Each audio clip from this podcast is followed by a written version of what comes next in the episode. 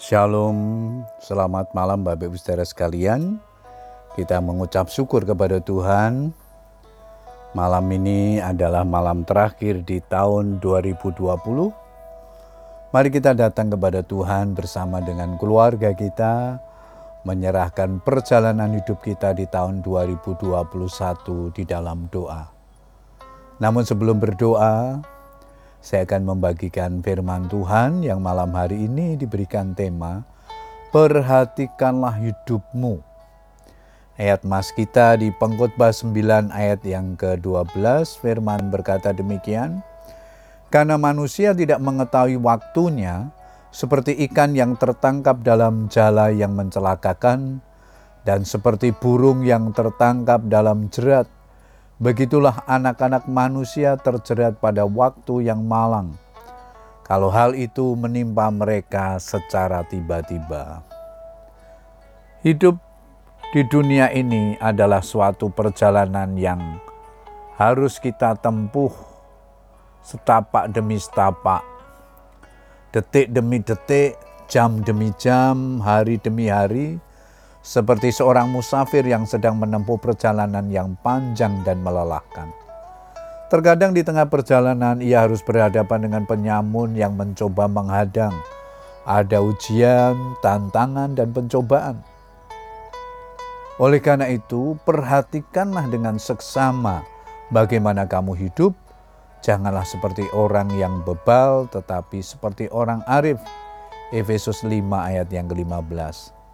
Kata saksama artinya sangat berhati-hati, penuh ketelitian. Firman Tuhan menasihatkan kita agar pelaku seperti orang arif, bukan seperti orang bebal. Orang yang berlaku bebal adalah orang yang tidak bijaksana, yang menjalani hidup dengan sembrono, hanya memusatkan perhatian kepada perkara-perkara duniawi saja. Mengandalkan kekuatannya sendiri, dan hidup menyimpang dari kehendak Tuhan. Tetapi orang yang berlaku arif adalah orang yang memperhatikan langkahnya dengan kehati-hatian, selalu menyikapi setiap keadaan atau peristiwa dengan respon hati yang benar. Ia berusaha supaya hidupnya berkenan kepada Tuhan. Karena itu pandangannya selalu terarah kepada perkara-perkara yang di atas Kolose 3 ayat 1 dan 2 carilah perkara yang di atas di mana Kristus ada. Pikirkanlah perkara yang di atas, bukan yang di bumi. Sehingga ia tidak asal menjalani hidup, tetapi memperhatikannya dengan seksama agar tetap hidup di jalan-jalan Tuhan. Ia menghargai waktu sebagai berkat yang sangat berharga dari Tuhan Menghargai waktu berarti menggunakan waktu dan kesempatan dengan sebaik mungkin. Mengapa kita harus menggunakan waktu dengan sebaik mungkin? Karena hari-hari ini adalah hari yang jahat.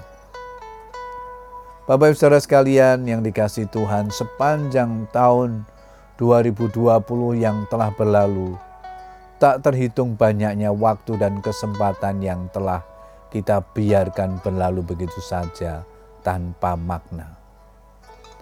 Jika Tuhan masih memberi kita kesempatan untuk menatap hari esok, ini adalah waktu yang tepat untuk kita mengambil komitmen berlaku bijak, tidak laku tidak lagi berlaku bebal dalam menjalani hidup ini.